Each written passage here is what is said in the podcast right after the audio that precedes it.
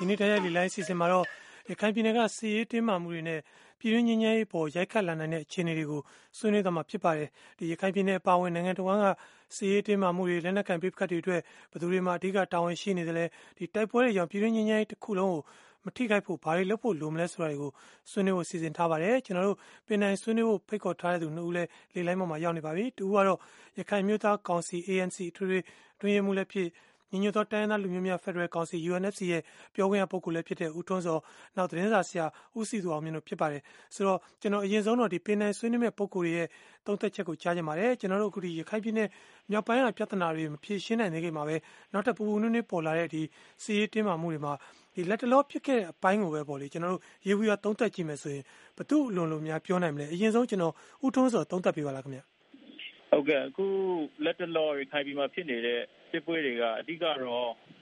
ဒီကျွန်တော်တို့ ငြိမ်းချမ်းရေးဖြစ်စဉ်မှာပေါ့လေနော် စစ်ရေးနီလန်းဟာ နိုင်ငံရေးအရ နောက်ဆုံးရွေးချယ်မှု ဖြစ်ပါတယ်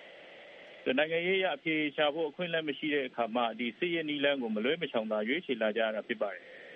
ပြီးခဲ့တဲ့ ဒီဒီဇင်ဘာ21ရက်နေ့ကတက်မတော်ရဲ့လေးလတာ စစ်စင်ရေးရဲဆိုင်တဲ့အထက်မှာ မြန်မာပြည်မြောက်ပိုင်းနဲ့ အရှေ့ပိုင်းမှာရှိတဲ့ဒီစစ်တိုင်းဌာနချုပ် ၅ ခုသာ ပါဝင်ပြီးတော့ တောင်ပိုင်းနဲ့အနောက်ပိုင်းဒေသတွေကိုတမီချန်လက်ခဲ့တာဟိုနှစ်ကသူ့ရဲ့စီးရေးယူမှန်းချက်ကိုတည်တာနေပါတယ်ပြောရရင်တော့မြောက်ပိုင်းနဲ့အရှေ့ပိုင်းမှာအပကျန်ဒေသတွေမှာစစ်စင်ရေးမြင့်ဖို့သဘောထားကိုထင်ဟပ်နေပြီးသားပါဆိုတော့ဒီနေ့ရခိုင်မှာ ULAA အနေနဲ့ရေးစခန်း၄ခုကိုဝင်မတိုက်ခင်ပြီးခဲ့တဲ့ဒီဇင်ဘာလနှောင်းပိုင်းကနေတက်မတော်ကတောက်လျှောက်စစ်ချိန်မြင့်နေပါပြီဒီစစ်ဖြစ်တော့ စစ်ရေးသဘောတရားအရဒီမဟာဗျူဟာနီးဗျူဟာပိုင်းတွေမှာသူ့အသာစီးကိုအသာစီးရဖို့နီးမျိုးစုံနဲ့လုပ်ကြတာပါပဲဒီတော့ခါစစ်ပွဲဖြစ်ရတဲ့အကြောင်းတရားကနိုင်ငံရေးပြဿနာဖြစ်ပါတယ်ဒီနိုင်ငံရေးပြဿနာကိုနိုင်ငံရေးနည်းနဲ့အပြေမရှာနိုင်ကြရင်ကျွန်တော်တို့နိုင်ငံကမှားပြီးသားမှားတွေထပ်မှားကြပြီးတော့စစ်တန်တရားလေပြီးတော့မှအနေထာယုံတွေနဲ့ပဲ ဆက်လက်ရေးဆိုင်ကြုံတွေ့ရမှာ ဖြစ်ပါတယ်လို့ အဲ့လိုသုံးသပ်မိပါတယ် ဟုတ်ကဲ့ တခုရှိတာဒီလွတ်လပ်ရေးနေ့က ဝင်တိုက်ခဲ့တဲ့ ကိစ္စမှာဟို AAO အပြစ်တင်တာမျိုးတွေ ရှိပါတယ် ဥပမာဆိုရင်ဒီ EU က ထုတ်ပြန်တဲ့ ကြီးညာချက်ထဲမှာဆိုရင်ဒီ Yekin scan တွေကို ဝင်တိုက်တဲ့ပုံမှာ စိတ်ပြည့်မိတယ်ဆိုပြီး ဖော်ပြပါတယ် ဆိုတော့ ဒီလိုတိုက်တာမျိုးอ่ะရောဒါ AA ဘက်က လွန်တယ်လို့ မပြောနိုင်ဘူးလား ဆရာဦးထွန်းစောကျွန်တော်မြင်တာအဓိက အစိုးရမှာ တာဝန်ရှိပါတယ် အစိုးရက နိုင်ငံရေးပြဿနာကို နိုင်ငံရေးနည်းအရ အဖြေရှာနိုင်ဖို့ အခွင့်အလမ်းကို ဖန်တီးဖို့ လိုပါတယ် အဲ့လိုမျိုးဖန်တီးတဲ့အခါမှာတွေးဆုံဆွေးနွေးမှုမှာတန်းတူရေးနဲ့ဂုံသိက္ခာရှိမှုတို့ကိုအခြေခံဖို့လိုတယ်လို့မြင်ပါတယ်အခုကတပ်မတော်အစိုးရအနေနဲ့ငြိမ်းချမ်းရေးကိုနိုင်ငံရေးအခြေခံနဲ့မရှင်းကပ်ပိနဲ့အေးရေးအခြေခံနဲ့ချင်းကပ်နေတဲ့အခါကျတော့အားလုံးပါဝင်ရေးကိုလည်းလက်မခံဆွေးနွေးပွဲမှာလည်းတန်းတူရည်တူရှိမှုနဲ့ဂုံသိက္ခာရှိမှုတို့အခြေမခံပဲလူတစ်မျိုးမလူတစ်မျိုးလုံးနေတာကိုတွေ့ရပါတယ်ရှင်းရှင်းပြောရမယ်ဆိုရင်ဒီနေ့ရခိုင်မှာစစ်ဖြစ်နေရတာကတပ်မတော်ကတမင်တွန်းပို့လိုက်တာဖြစ်ပါတယ် ရခိုင်မှာရှိတဲ့လက်နက်ကိုင်တော်လှန်ရေးအဖွဲ့အစည်း၃ဖွဲ့လုံးဟာဦးသိန်းစိန်ဆိုရလက်ထက်ကလေးက NCCD အနေနဲ့ NCA စာချုပ်လုပ်တဲ့အခါတောက်လျှောက်ပါဝင်ခဲ့ပါတယ်အဲ့ဒီတုန်းက NCA လက်မှတ်ရေးထိုးတဲ့အခါဦးသိန်းစိန်အစိုးရအနေနဲ့ ALP တဖွဲတွေကိုပဲလက်ခံပြီးတော့ကျန်တဲ့ ULAA နဲ့ကျွန်တော်တို့ ANC ဖွဲ့စည်းတွေကိုလက်မခံခဲ့ပါဘူးအဲ့ဒါကြောင့်ဒီနေ့လိုမျိုးထိတ်တိုက်ရင်ဆိုင်တွေ့ရမယ့်အနေအထားကြီးဖြစ်လာခဲ့ရတာပါနောက်တစ်ခုကရခိုင်ကိုနိုင်ငံရေးအရကြောင်ပိတ်ထားပါတယ် NCA လက်မှတ်ရေးထိုးထားတဲ့အဖွဲ့တွေအားလုံးကိုအမျိုးသားအဆင့်နိုင်ငံရေးဆွေးနွေးပွဲတွေကျင်းပခွင့်ပြုပြီးတော့ရခိုင်က ALP တဖွဲ့တွေကိုပဲဒီနေ့အချိန်ထိအကြောင်းမျိုးမျိုးပြပြီးပိတ်ပင်ထားပါတယ်နော်နိုင်ငံရေးပါတီ ALP ဆိုရင်လည်းပဲ2010ကရွေးကောက်ပွဲမှာရခိုင်မှာတောင်ပြိုကန့်ပြိုနိုင်ပါတယ်ဒါပေမဲ့ပြည်내အစိုးရဖွဲ့ခွင့်မရဘူးလွတ်တော်ထဲမှာလည်းအရေးဆိုလို့မရဘူးအဲပြည်내လွတ်တော်ဆုံးဖြတ်ချက်တွေကလည်းအရာမထင်ဘူးပြီးတော့ရခိုင်ပြည်သူလူထုရဲ့ထောက်ခံမှုရရှိထားကြတဲ့ ရခိုင်တော်လှန်ရေးဖွဲ့စည်းတွေပါတီနိုင်ငံရေးဖွဲ့စည်းတွေဟာဒီတိုင်းပြည်မှာငြိမ်းချမ်းရေးနဲ့နိုင်ငံရေးဖြစ်စဉ်ထဲမှာတန်းတူရည်တူနဲ့ဂုံသိက္ခာရှိတဲ့ဆွေးနွေးပွဲလုပ်ပေါ်ကင်ဘက်အဖြစ်အတိမတ်ပြုခြင်းမခံရတဲ့အနေအထားကိုကြားရောက်နေရတာပါဒီလိုမျိုးဘက်ပေါင်းစုံကနှိတ်ကိုမြနှိတ်ကိုနေတဲ့အခြေအနေအောက်မှာအားလုံးကသူ့နည်းသူ့ရဲ့နဲ့ဖက်ပေါက်ကိုခြာကြမှာပဲဖြစ်ပါတယ်ဒီအဟိုသက်ဆိုင်ရာအစိုးရတက်မတော်ဘက်ကအပြစ်သဘောနဲ့ချိတ်ကပ်ရင်ပဋိပက္ခပိုပြင်းထန်လာဖို့ပဲရှိမယ်အပြစ် သဘောမဟုတ်ဘဲနဲ့အပြုသဘောနဲ့ချိတ်ကပ်မယ်ဆိုရင်တော့ပဋိပက္ခပြေလျာပြေလေကြောင်းနဲ့ငင်းကျဲဘက်ကိုဥတည်နိုင်လိမ့်မယ်လို့ကျွန်တော်မြင်ပါတယ်ဟုတ်ကဲ့ခင်ဗျဆိုတော့ဆရာဦးစီသူအောင်မြင့်ရဲ့သဘောထားခင်ဗျကျွန်တော်တို့အခုဒီလိုလောလောလတ်ပူပူနည်းနည်းဖြစ်တဲ့ဒီစေးတင်းမာမှုတွေမှာပေါ့နော်ဒီအပိုင်းကိုပဲကျွန်တော်တို့သုံးသပ်ကြည့်မယ်ဆိုလို့ရှိရင်ဘသူ့ဘက်ကအလွန်လို့ပြောလို့ရမယ်အခုနောက်ဆုံးဖြစ်ခဲ့တဲ့ brief cut တွေနဲ့ပတ်သက်လို့ဟိုစစ်ရေးဆိုင်ရာလက်မှုတွေနဲ့ပတ်သက်လို့ဆိုရင်တော့ပြောရတော့ခက်တယ်ဗျဥမာ ဟိုကျွန်တော်တို့တိတ်မကြသေးခင်တုန်းကဆိုရင်ရှမ်းပြည်နယ်ဘက်မှာပေါ့နော်ဟိုတမတော်ဘက်ကနေပြီးတော့မှဒီတောင်းပလောင်တပ်ဖွဲ့တွေပါတွေကိုအဲ့မှာတိုက်ခိုက်တာတွေလုပ်တယ်အဲ့လုပ်တဲ့ခါအဲ့လိုထိုးစစ်တွေအဲ့ဒီဘက်မှာတွားတဲ့ခါကျတော့သူတို့ကအဲဒီခုနကတော့လို့ပေါ့နော်တမတော်နဲ့အစိုးရကိုပြန်ပြီးတော့ဖိအားပေးဖို့ဆိုပြီးတော့မှအဲဒီကျွန်တော်တို့မန္တလေးမူဆယ်ကုံကျွယ်ရေးလမ်းကြောင်းကိုဝင်ပြီးတော့မှအဲ့မှာတိုက်ခိုက်တာတွေပါလုပ်တော့ အားလုံးကဝိုင်းပြီးတော့မှဒီမှာအဖြစ်တင်တဲ့ဥစ္စာတွေသူတို့ခံရတာရှိတယ်ဒါပေမဲ့လည်းစိတ်ရသဘောတရားမှာကြားတဲ့ခါကျတော့ကိုယ်ကိုဒီနေရာလက်တိုက်ရဲ့ကိုကဒီနေရာကနေပဲဟိုခံပြီးတော့တိုက်မယ်ဆိုတဲ့ဥစ္စာကအဲ့ဒါတော့မရှိဘူးသူကသူ့တဘာဝကသူကဒီနေရာမှာလက်တိုက်ရဆိုရင်ကိုကဟုတ်တဲ့နေရာမှာသွားပြီးတော့မှပြန်ဖိအားပေးတာမျိုးလဲဟိုလှုပ်ချင်လှုပ်မှာပဲအဲ့တော့စစ်ရေးသဘောနဲ့ပြောမယ်ဆိုရင်တော့အခုရခိုင်ပြည်နယ်မှာဖြစ်တဲ့ကိစ္စမှာ ဘုရားကကိုထုံးစော်ပြောတဲ့ဥစ္စာတချို့ဟာတွေတော့ကျွန်တော်ဟိုလက်ခံပါတယ်ဘာလို့လဲဆိုတော့ပြီးခဲ့တဲ့ကာလမှာတက်မတော်ကာကွယ်ဦးစီးချုပ်ရုံးကနေပြီးတော့မှစစ်တိုင်းငါးတိုင်းမှာအပြစ်ခတ်ရပ်ဖို့သူလုပ်ဟိုသူကြီးညာတယ်ဒါပေမဲ့ရခိုင်ပြည်နယ်မပါဘူးအဲ့ဒီမပါတဲ့ကာလဒီမှာပဲဟိုသတင်းတွေအရပေါ့နော်ကျွန်တော်တို့ရနေတဲ့သတင်းတွေအရ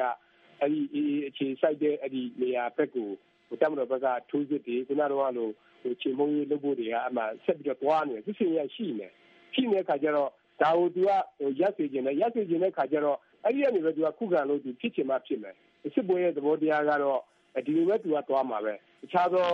ပို့ပြီးတော့မှဒီဗာလဲဟိုသူတိုက်လို့ရတဲ့ပြော့တဲ့နော်နည်းနည်းလေးပြော့တဲ့အင်အားတွေပါနေနေတဲ့အဲ့ဒီဘက်ကိုဝင်တိုက်ပြီးတော့မှတခါပြန်ပြီးတော့ဖိအားပေးတယ်ပါလေသူလုံမှာပဲအဲ့ဒီအဲ့ဒီသဘောမျိုးကိုတွေ့နေရတယ်တကယ်တော့ဒီဥစ္စာနောက်ကြောင်းပြန်ကောက်ရရင်အဲ့2015လောက်မှာဆိုရင် တိုက်ပွဲတွေအဲ့ဒီဘက်မှာပြန်ပြီးတော့ကျွန်တော်ပြန်ကြားလာရတယ်ရခိုင်ဘက်မှာပေါ့နော်အဲ့ဒီမှာအေးတပ်ဖွဲ့တွေနေရာနေရာဝင်ပြီးတော့ယူလာပြီးအဲ့ဒီမှာပြန်ပြီးတော့တိုက်ခိုက်လာပြီးဆိုတော့ဒီပြဿနာကအခုမှမဟုတ်ဘူးဗျ2016ဒီအစိုးရဟိုတက်ခံဒီအခြေတက်ပြီးကစားပေါ့နော် NLD ဆိုရတက်ပြီးကစားမှာအဲ့ဒါအဲကျွန်တော်ထင်တယ်ဧပြီလအကုန်လောက်မေလဇန်လောက်မှာလွတ်တော်ထဲမှာတော့မှဆွေးနွေးခဲ့တယ်လွတ်တော်ထဲမှာအဲ့ဒီမှာအဆိုတစ်ခုတင်တယ်ဗျအဲ့မှာအဆိုအဆိုကဘာလဲဆိုတဲ့ခါကျတော့ဒီရခိုင်အေတပ်ဖွဲ့ကို အသိမှပြုပြီးတော့ရင်းရဲလုပ်ငန်းစဉ်ထဲမှာပါဝင်အောင်တိုက်တွန်းကြအောင်ဆိုတဲ့အဆိုအဲ့မှာတင်တယ်တင်တော့လွတ်တော်ထဲမှာအဲ့ဒီချိန်တော့ပေါ့နော်လုံခဲ့တဲ့အဲ၃နှစ်ပတ်ဝန်းကျင်လောက်ကပေါ့အဲ့မှာအကြီးကျယ်အငင်းကုန်ဖြစ်ကြတယ်တစ်ဖက်ကဒီရခိုင်အမတ်တွေကတစ်ဖက်တစ်ဖက်ကဆိုတမလို့ကအမတ်တွေကတစ်ဖက်ရခိုင်အမတ်တွေဘက်ကပြောတဲ့ဆိုတဲ့ဒီမှာရခိုင်တမလို့ဘာလို့သုံးလုံးတဲ့ဟာကိုတမလို့ဘက်ကလည်းပြီးမခံနိုင်ဘူးအဲ့လိုမျိုးဖြစ်တဲ့ဟာကိုနောက်ဆုံး NLD အမတ်တွေကကြားဝင်ပြီးတော့မှဘယ်လိုဖြစ်သွားလဲဆိုတော့အဲဒီဆွေးနွေးတဲ့ဟာကိုဆွေးနွေးချက်အနေနဲ့ပဲထားပါ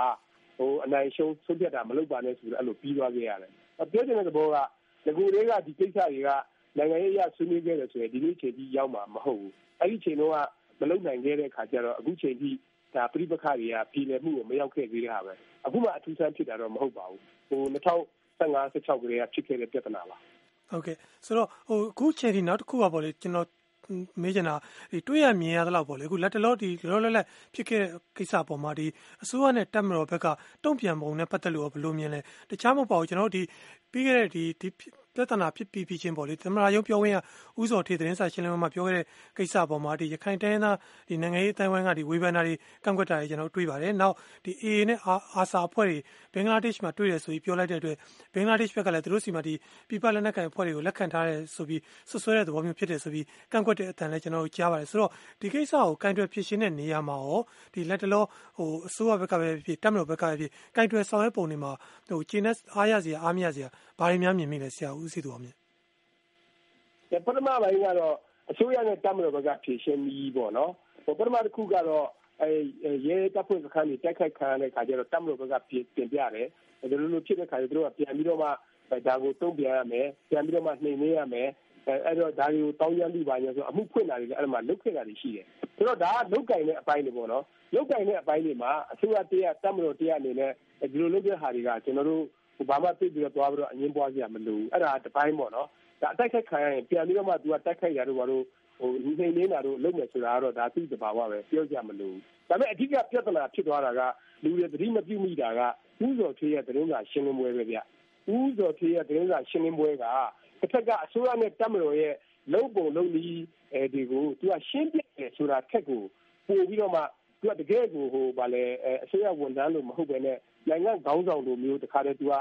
ရခိုင်တိုင်းသားတွေရခိုင်အမတ်တွေကအခုပြောတယ်ရခိုင်ဟိုသံဃာတော်တွေရောဗာရောပုံလုံးစကားလို့ဒီလိုနေဒီလိုဖြစ်နေခင်ဗျားတို့ရခိုင်ပြည်နယ်ကြီး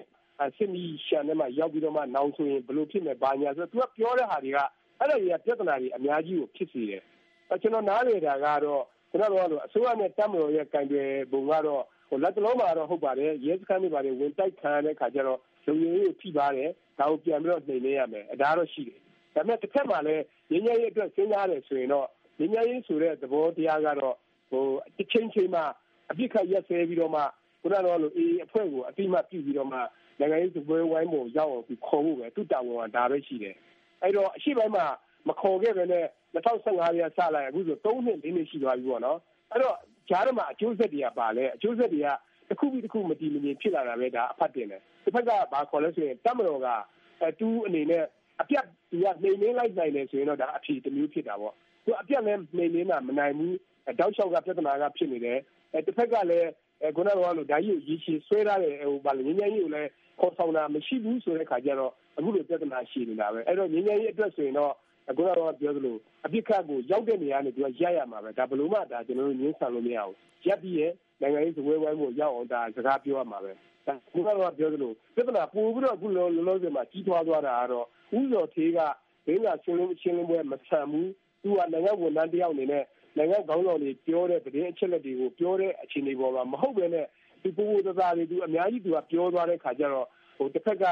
အဲရခိုင် ဟိုပါတီပေါ့နော်ရခိုင်ပါတီဆိုတာတိုင်းပြည်ထဲမှာကျွန်တော်တိုင်းပြည်မှာအလွန်အရေးကြီးတဲ့ပါတီပါဒါကအဲလွတ်တော်ပြည်တော်စုအဆင့်လွတ်တော်ထဲမှာလည်းအမတ်တွေအများကြီးထားတယ်ရခိုင်ပြည်နယ်ထဲမှာဆိုရင်လည်းအမတ်တွေအများကြီးလွှမ်းမိုးထားတဲ့ပါတီကြီးတစ်ခုဒါသူတို့စကားကိုနားထောင်မယ်အဲ့ဒီပါတီကလည်းကန့်ကွက်တာတွေရှိလာတယ်တစ်ဖက်ကအိန္ဒိယနဲ့ဆက်ဆံရေးကလည်းပြည်လည်ဖို့လိုတယ်အဲ့တော့ဟိုအတီမပြုတ်ရသေးတဲ့အစိုးရကလည်းထုတ်ပြန်လာတာတမတော်ကလည်းထုတ်ပြန်လာတာမရှိတဲ့ဟိုတရေအချက်လက်တွေကိုတရေကရှင်းလို့မှ ပြောလိုက်တဲ့အခါကျတော့တစ်ဖက်ကအိန္ဒိယတိုင်းပြည်ကလည်းကန့်ကွက်တာတွေပါရှိလာတယ်အိန္ဒိယနဲ့အဆင်မပြေဖြစ်တာပေါ့နော်ဆိုတော့ဒါတွေကတော့ကျွန်တော်ခွဲခြားပြီးမြင်လို့ရတယ်ဥစ္စာတွေရဲ့ပြောကြားချက်တွေကြောင့်မလို့တချို့ကိစ္စပိုပြီးတော့မှတင်းမာလာတာအဲဒီတော့ရခိုင်တိုင်းသားတွေနဲ့ဗမာတိုင်းသားတွေနဲ့အဲပိုပြီးတော့မှနားလည်မှုလွဲတာတွေဖြစ်ပေါ်လာကြတယ်လို့ကျွန်တော်မြင်ပါတယ် ဟုတ်ကဲ့ဆရာဦးစီသူဆွေးနွေးပြတာကျေးဇူးပါဆိုတော့ကျွန်တော်တို့ဆွေးနွေးပွဲအတွက်ကိုကိုယ်တိုင်ပါဝင်ဆွေးနွေးဖို့ကျွန်တော်တို့ဆက်သွယ်ထားတဲ့ပုံကိုယ်တွေလည်းလေလိုင်းပေါ်မှာရှိနေပါတယ်ကျွန်တော်တို့ဟိုစာရေးလည်းပေးပို့ထားတာရှိပါတယ်အရင်ဆုံးတော့ကျွန်တော်တို့ဟိုကိုယ်တိုင်ဆွေးနွေးမဲ့ပုံကိုယ်တွေကိုလှည့်ပေးကြပါတယ်တူကတော့ကျွန်တော်တို့မြန်မာနိုင်ငံကကိုခမောင်ဝင်းဖြစ်ပါတယ်ကိုခမောင်ဝင်းဆွေးနွေးနေတာပဲဖြစ်ဖြစ်မေးမြန်းနေတာပဲဖြစ်ဖြစ်ဆွေးနွေးမေးမြန်းလို့ရပါတယ်ခင်ဗျာဒီဥပဒေပြောလိုက်တဲ့ဟာကြီးကတော်တော်လေးကိုကလင်ညစ်ဆံမှာ ဟိုကယ်မီကျော်ဒီကျုံးလို့နိုင်ငံရေးအကောက်ချက်တယ်ဒီလိုဒီစိတ်ဆံလာပြီးစိတ်ညစ်ဖို့ကောင်းတယ်ဆိုတာဥပဒေတစ်ခေါက်ကလည်းအဲ့လိုပဲဟိုလူရင်းကြားတွေကကိုယ့်အကူကြီးဆိုသွားတယ်ဆိုပြီးတော့အင်္ဂလာရဲ့ဓာတ်ပုံရိုက်အုပ်ထုဆောင်ပြီးလို့ပဲရှင်းနေတော့တယ်အပေါ်တနေ့ကလည်းဟလာဟိုရဲစကန်တွေဝင်တိုက်တယ်ဆိုတာသူတို့လည်းရှင်းလင်းနေတဲ့ချိန်မှာတိုင်းရင်းနယ်တွေဘလို့ဒုက္ခရောက်နေတယ်ဆိုတော့သူတို့ကတိုင်းရင်းနယ်တွေကအများကြီးရောက်ဘူး အဲ့တော့သူတို့ကသူတို့ခံစားချက်ကိုမခံနိုင်ဘူးသူတို့ကဒီအာဏာရှိနေတယ်သူတို့ပြန်ဝင်တိုက်တာပါနောက်ဒီနိုင်ငံတော်အခွန်နဲ့ရရဒါနာငွေတွေကိုစစ်တပ်ကိုပံ့ပိုးတော့နိုင်ငံတော်ကရှော့မှာပါဟုတ်ကဲ့တော့ပဲဟုတ်ကဲ့ကိုကမောင်ဝင်းဆွေးနွေးတာကျေးဇူးပါနောက်တူကတော့ကျွန်တော်တို့ထိုင်းနိုင်ငံကကိုတီးလည်မှုဖြစ်ပါတယ်ကိုတီးလည်မှုလဲဆွေးနွေးနေတာပဲဖြစ်ဖြစ်မင်းမြန်းနေတာပဲဖြစ်ဖြစ်ဆွေးနွေးမင်းမြန်းနိုင်ပါတယ်ခင်ဗျ ဟုတ်ကဲ့ခင်ဗျအရှိအပြောထားတဲ့ပုံကူ၃ယောက်ရဲ့စကားကတော့ကျွန်တော်လက်ခံပါတယ်ခင်ဗျထောက်ခံပါတယ်ဘာဖြစ်လို့လဲဆိုရင်တော့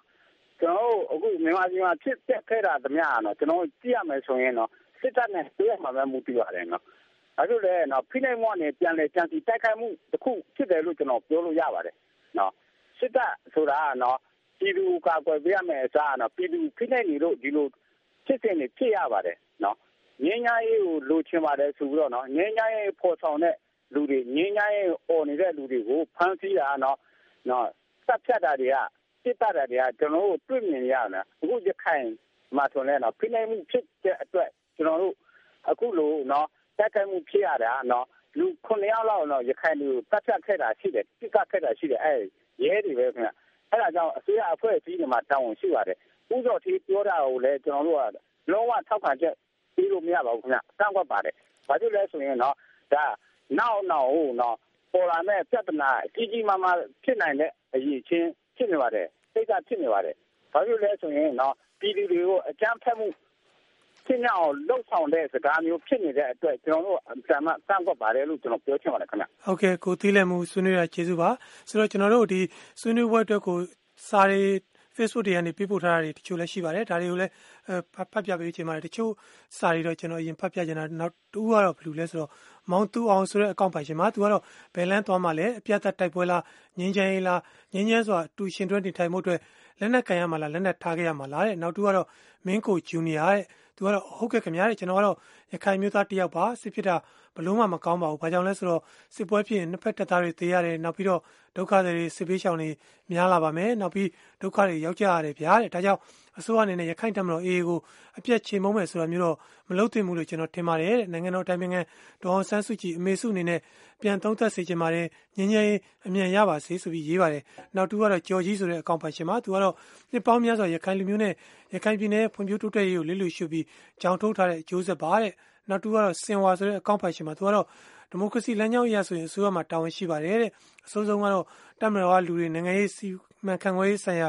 viewer ရေးဆွဲရမှာထဲထဲဝင်ပါဝင်နေတာကအစိုးဆုံးဖြစ်ပါတယ်တဲ့ နောက်တစ်ယောက်ကတော့ခိုင်လင်းဆိုတဲ့အကောင့်မှာသူကတော့စစ်ဆွေးရဖိနှိပ်ခဲ့မှုရဲ့အကျိုးဆက်လို့ယူဆပါတယ်တဲ့ငင်းချမ်းမှုကိုပြည်သူအလုံးလိုချင်ပါတယ်ဒါကြောင့်မို့စစ်တပ်အနေနဲ့တိုင်းရင်းသားတွေပေါ်သဘောထားကြီးသင့်ပါတယ်ဖွံ့ဖြိုးမှုကိုလည်းလက်ရှိအစိုးရအနေနဲ့တပြိုင်တည်းလှုပ်ဆောင်သွားမယ်ဆိုရင်တိုင်းရင်းသားဒေသအလုံးငြင်းချမ်းမယ်လို့ယူဆပါတယ်ဆိုပြီးရေးပါတယ်စာတချို့တော့မဆုမွန်ဖတ်ပြပေးပါခင်ဗျဟုတ်ကဲ့ပါရှင်ဒီ ဇော်ဝင်းဆိုတဲ့အကောင့်ကတော့ ဗမာစစ်တပ်နဲ့ NLD ရဲ့ လုပ်ရက်က မှတ်မိနေသေးတဲ့1136တုန်းက ရခိုင်ဘရင် ထီးနှန်းကြခဲ့တာကို သတိရစေပြီး ရခိုင်တို့ရဲ့ ဇာတိမာန်ကို ခေါက်လိုက်သလို ဖြစ်သွားပါတယ်တဲ့ အခုတိုက်မဲ့ဗမာစစ်တပ်နဲ့ NLD ဗမာအစိုးရရဲ့ လုပ်ရက်က AA ကို အင်အားလျော့နည်းသွားစေမှာ မဟုတ်ဘဲ ယခင်ကထက်ကိုအင်အားနှစ်ဆတိုးသွားအောင် တွန်းပို့လိုက်သလို ဖြစ်သွားပါတယ်တဲ့။ကျနော်တို့ လူငယ်တွေကတော့ AA အပေါ် အရင်က ပုံမှန်အနေအထားပဲ ကူညီခဲ့ကြပေမဲ့ အခုချိန်မှာ အရင်ကထက်ကိုသုံးဆပိုပံ့ပိုးတော့မယ်ဆိုပြီး ဆုံးဖြတ်ချက် ချလိုက်ပါပြီတဲ့။ထွန်းဆိုတဲ့ အကောင့်ကတော့ ရခိုင်ပြည်မှာ စစ်ပွဲဖြစ်ရတာက ဖိနှိပ်သူကြောင့်ပါတဲ့။လက်ရှိစစ်ပွဲတွေ ပိုပြင်းထန်လာရတဲ့ နံပါတ်တစ်ကဗမာအစိုးရ နံပါတ်2ကဗမာစစ်တပ်မှာ တာဝန်ရှိပါတယ်တဲ့ဗမာစစ်တပ်က ရခိုင်ပြည်မှာ စစ်ပွဲရပ်လိုက်တယ်ဆိုရင် ရခိုင်တပ်မတော် AA က စစ်ပွဲကိုဖန်တီးဖို့ အစီအစဉ်မရှိပါဘူးတဲ့အဓိက ဗမာစစ်တပ်က မြေပြင်မှာ စစ်ပွဲရပ်လိုက်ရင် ပြီးပါပြီတဲ့တန်းကျော်ဆိုတဲ့အကောင့်ကတော့ ရခိုင်ဒေသမှာသွားပြီး မြန်မာအစိုးရတပ်မတော်ဘက်က စစ်စင်ရေးတွေ မလုပ်ဖို့ ရပ်တန်းက ရပ်ပေးဖို့ လိုပါတယ်တဲ့ ကိုချစ်ဆိုတဲ့အကောင့်ကတော့ ဗမာအစိုးရက ရခိုင်ပြည်ကို အုပ်စိုးလာခဲ့တာ နှစ်ပေါင်းတရာကျော်သွားပါပြီတဲ့ ဒီလောက်ဆိုရင်တော့ ကိုယ်ပိုင်အုပ်ချုပ်ခွင့် ပေးသင့်ပြီလို့ ထင်ပါတယ်တဲ့ ရခိုင်ပြည်ရဲ့သယံဇာတတွေကို ရခိုင်တွေအတွက်တပုံတောင်မှ မပေးတဲ့ ဒီအစိုးရကို ရခိုင်တပ်မတော်က တော်လှန်တာက မှားမယ် မထင်ပါဘူးတဲ့ နေရာတိုင်းမှာ နှိပ်ကွပ်ခံထားရတဲ့ ရခိုင်ပြည်သူတွေကအေးအေးကို ထောက်ခံကြတာ မှားမယ် မထင်ပါဘူးတဲ့ စဉ်းစားကြည့်ကြပေါ့ ဆိုပြီး ရေးထားပါတယ်ရှင်ဟုတ်ကဲ့ ကျေးဇူးပါ ဆိုတော့ ကျွန်တော်ဒီမှာ ဟိုဟိုတာမန်ပြည်သူလူထုကြားမှာလည်းသဘောထားအမြင်တွေကွဲလွဲတာတွေကျွန်တော်တို့တွေ့နေရတယ်ရှိပါတယ်။ဥပမာဒီ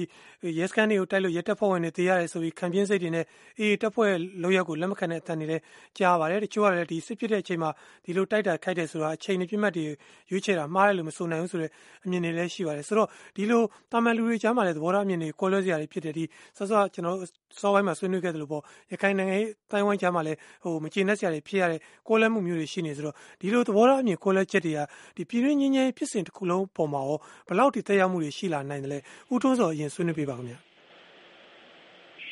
ဟုတ်ကဲ့ကျွန်တော်မြင်တာကတော့ပေါ့ဗျာဒီအခုလက်ရှိသွားနေတဲ့ငင်းကျဲဖြစ်စဉ်ကလည်းပဲဟိုရက်တက်နေတဲ့သဘောမှရှိတယ်နော်ဘာဖြစ်လို့လဲဆိုတော့ဒီကျွန်တော်တို့ကလွတ်တော်တွင်းနဲ့လွတ်တော်ပဟန်ချက်ညီအောင်မလုပ်နိုင်ဘူးအဓိကဥတီရမှာတော့ကျွန်တော်တို့ကဒီငင်းကျဲရေးဖြစ်စဉ်မှာ ဒီ NCA စာချုပ်တစ်ခုတည်းပေါ့အခြေခံတဲ့ပုံစံမျိုးကထက်ပေါ့နော်ကျန်တဲ့ဒီနီးနာတွေကိုရှာဖို့လိုတယ်လို့ကျွန်တော်မြင်ပါတယ်ဟိုလွတ်တော်တွင်းမှာလည်းပဲကျွန်တော်တို့နီးလန်းတွေရှိနိုင်တာပဲเนาะလွတ်တော်ဘာမှအခုကငင်းချင်းဖြစ်စဉ်ကို21ရာစုပင်လုံညီလာခံခေါင်းစဉ်အောက်မှာလုပ်နေတယ်ကဲ21ရာစုပင်လုံညီလာခံကအခုကသွားလို့မရဘူးဒါဖြစ်လို့ဆိုတော့ NCA ကိုလက်မှတ်ရေးထိုးတဲ့ထားတဲ့လူတွေပဲတက်ခွင့်ရှိတယ်တစ်ဖက်မှာလည်းပဲ NCA ကိုလက်မှတ်ရေးထိုးနိုင်ဖို့အတွက်ကြိုးပမ်းနေတဲ့အခါမှာ ဒီ standard တွေကမတူဘူးเนาะကျွန်တော်တို့ကလက်မှတ်ရေးထိုးထားတဲ့လူတွေနဲ့လက်မှတ်ရေးထားတဲ့လူတွေကြားထဲမှာစီရေးအရာနေမီဒေသအရကွဲပြားမှုအခြေခံအောက်မှာတနိုင်ငံလုံးအတိုင်းအတာဆောင်တဲ့ပြည်ခရဲစီရေးကို